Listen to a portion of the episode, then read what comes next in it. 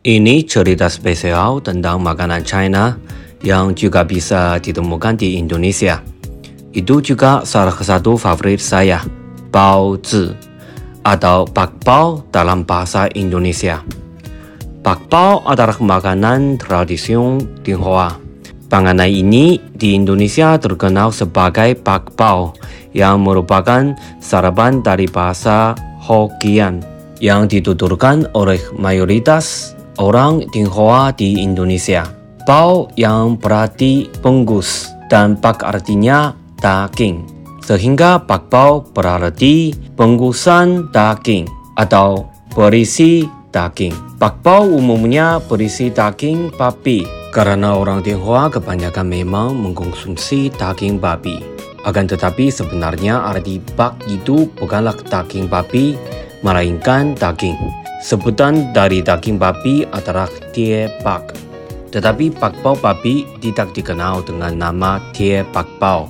Sebaliknya bakpao yang berisi daging ayam dinamakan goi bao atau ke bao.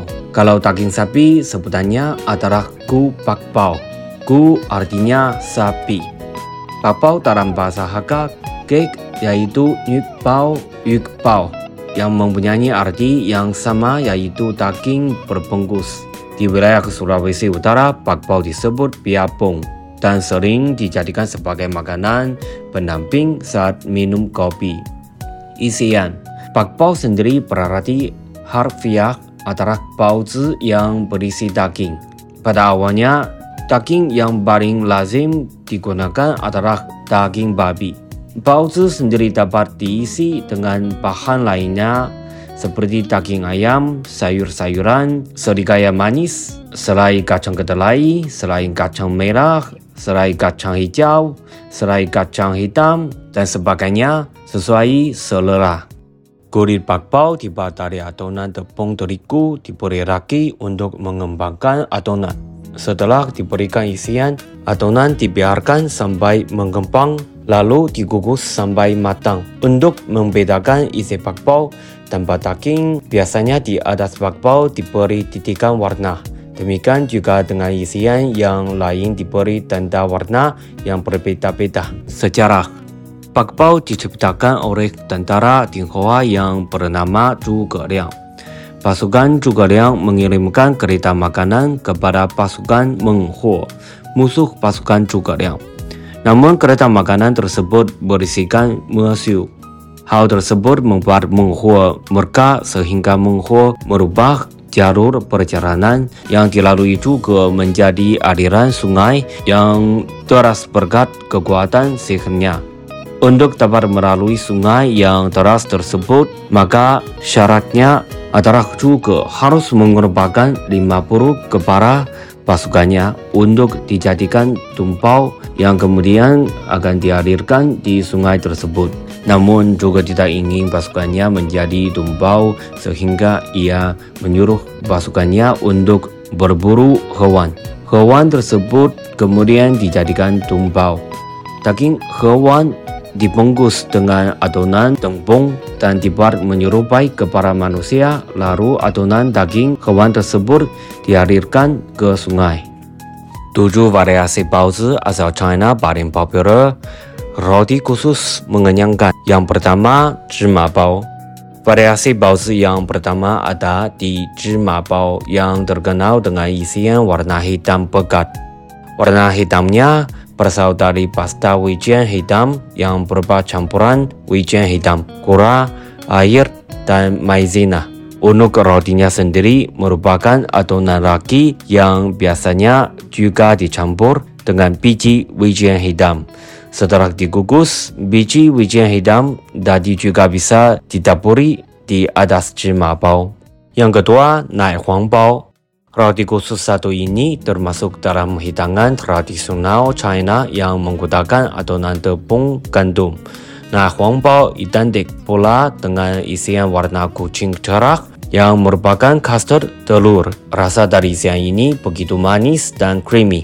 Meski tiap nah huangbao memiliki tekstur isian yang bervariasi. Nah huangbao sering dinikmati sebagai hidangan dimsum bersama dengan teh gas China. Yang ketiga, Dou Sha Bao. Dou Sha Bao merupakan variasi baozi yang kini banyak ditemukan di berbagai negara.